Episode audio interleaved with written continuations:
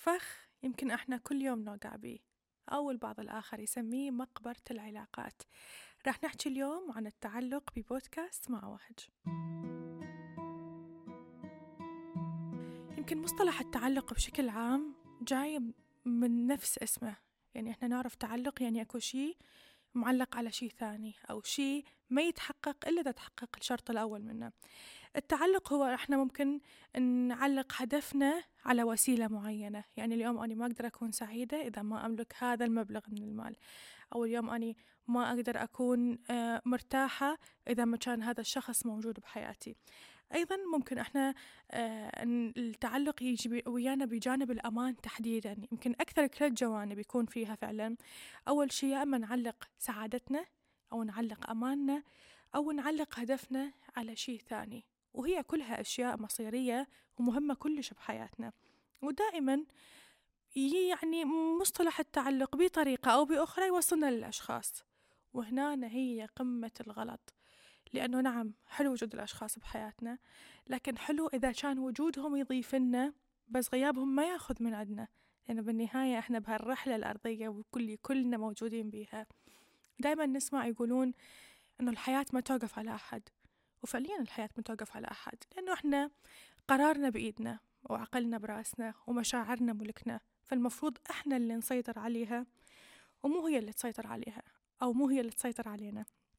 موضوع التعلق يبدي من طفولتنا يبدي من تعلق الطفل بأمه وأبوه وراح يبلش يتعلق بألعابه بعدين يبلش يتعلق بمدرسته بعدين يبلش يتعلق بأصدقائه. فهي سلسلة مربوطة ومتشابكة إلى أن نكبر وتتكون شخصياتنا بشكل عام.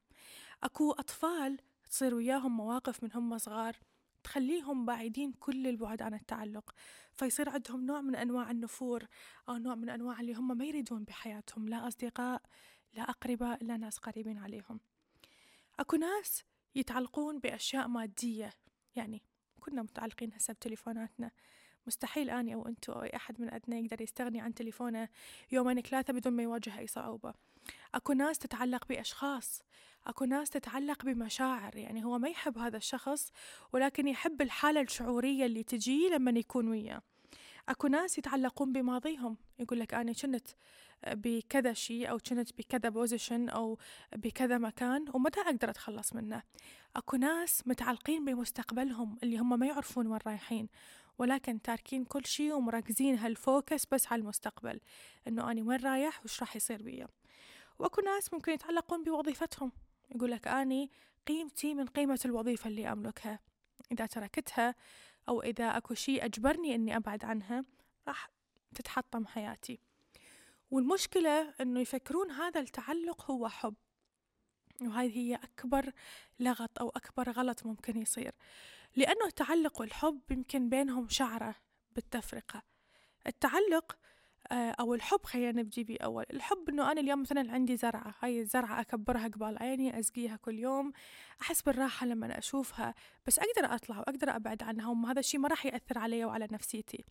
لكن التعلق هو إنه أنا أروح لهاي الزرعة وأشلعها من مكانها وأعرف إنها راح تموت بس عادي. لازم تكون موجودة وياي.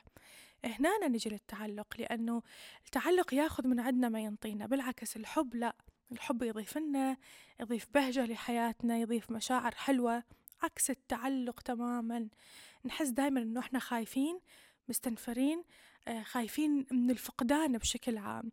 ولكن بعدين هذه دنيا. وإحنا كلنا معرضين أن نفقد أي شيء ممكن نملكه اليوم.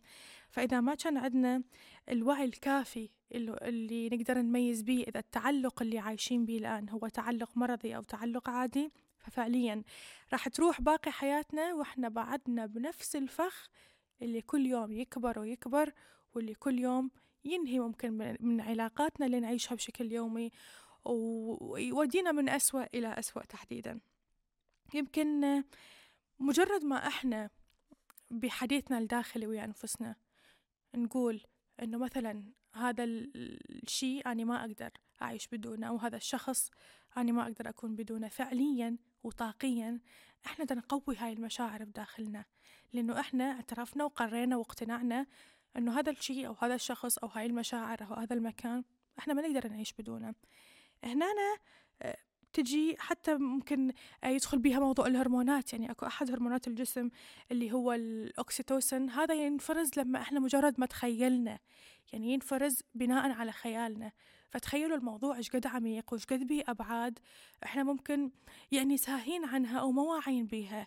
ليش؟ لأنه دائما نباوع من جانب واحد أو من نظرة واحدة. ما وسعنا آفاقنا ما باوعنا من الجانب الآخر أنه فعليا لا. هذا الشيء أنا أقدر أعيش بدونه. والدليل بعض الأحيان يعني هذا أكثر مثال ممكن صح يكون مؤذي ولكن هو واقع نعيشه كل يوم. هواية نفقد أشخاص عزيزين علينا يعني سواء يتوفون أو يغادرون أو يسافرون. بالبداية تكون الفكرة عظيمة بالنسبة لنا أنه لا أنا حياتي انتهت بس يمر اليوم الأول الثاني الثالث الشهر شهرين ثلاثة أربعة سنة نلقى نفسنا رجعنا تأقلمنا. لأنه هذا الإنسان الإنسان فعليا عنده قدرة على النسيان والتأقلم مو طبيعية. فمفتاحنا هو بإيدنا إحنا إذا قررنا أنه نغلق عليه ونقعد ونحبس نفسنا بهالدوامة فراح نبقى بيها طول عمرنا. بس إذا قررنا نتحرر بالعكس راح نشوف كل يوم بحياتنا شيء جديد راح نتطور راح نقدر نكون مفيدين لأنفسنا لمجتمعنا للناس اللي نحبهم. وتعلقنا بالأشياء ما راح يكون مفيد لنا. يمكن هواية هسه يتساءلون. إنه أوكي إحنا نعاني من هاي المشكلة سواء كان تعلقنا بشخص بمشاعر بمكان بأهداف بماضي بمستقبل ولكن الحل وين؟ الحل إنه إحنا شخصنا المشكلة يعني إحنا اليوم مجرد ما عرفنا إنه إحنا عندنا تعلق مرضي ما نحكي عن التعلق العادي والتعلق المرضي فرقه عن العادي إنه هو شيء إحنا يصير يعني أسلوب حياة بالنسبة لنا وأربعة وعشرين ساعة عايشين عليه ودائما ملازمنا. وفعليا نحس إنه الشيء المتعلقين به إذا ما كان موجود معناها هو مرتبط بوجودنا معناها إحنا همينا ما موجودين. هذا هو التعلق المرضي. فمجرد ما إحنا عرفنا شنو المشكلة هذا هو نص الحل. النص الثاني عاد إنه إحنا نبدي نتدرب. فعليا آه نتدرب على فكرة إنه إحنا ممكن هذا اليوم شيء موجود باكر ما يكون موجود. نبدي نتأقلم على التغيير لأنه التغيير بحياتنا هو اللي راح يخلينا نقدر نتقبل ممكن أشياء جديدة. لأنه بتعلقنا بالأشياء اللي نملكها أكو كوم أمور رايحة علينا إحنا ما ندري عنها. بس بسبب الخوف بسبب إحنا نخاف نطلع من دائرتنا نخاف نتعرف على أشياء جديدة نخاف نتعرف على ناس جديدين نخاف ندخل أحد بحياتنا نخاف إنه نفقد القديم. مع العلم هي الدنيا مبنية على التغيير. إحنا اليوم بحال باكر نكون بحال ثاني قبل كنا بحال ثاني يعني نمط حياتنا أو أسلوب حياتنا هو مبني على التغيير. دائما واحدة من الأشياء الثانية اللي إحنا ممكن نكون ضحاياها هو إحنا إنه إحنا ما ننطي مشاعرنا حقها.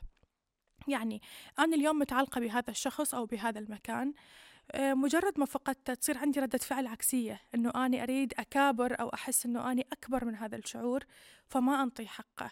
فتظل هالمشاعر بداخلنا تنكبت وتتراكم إلى أن تصير بعض الأحيان أمراض جسدية تظهر بحياتنا أو ممكن نحس إنه إحنا بحياتنا تتكرر نفس الحالة لأنه إحنا نملك نفس الشعور. فنقطة مهمة جدا إنه إحنا ننطي لمشاعرنا حقها. انت اليوم ضايج انت اليوم حزين انت اليوم زعلان. عادي ابكي فرغ اللي بداخلك.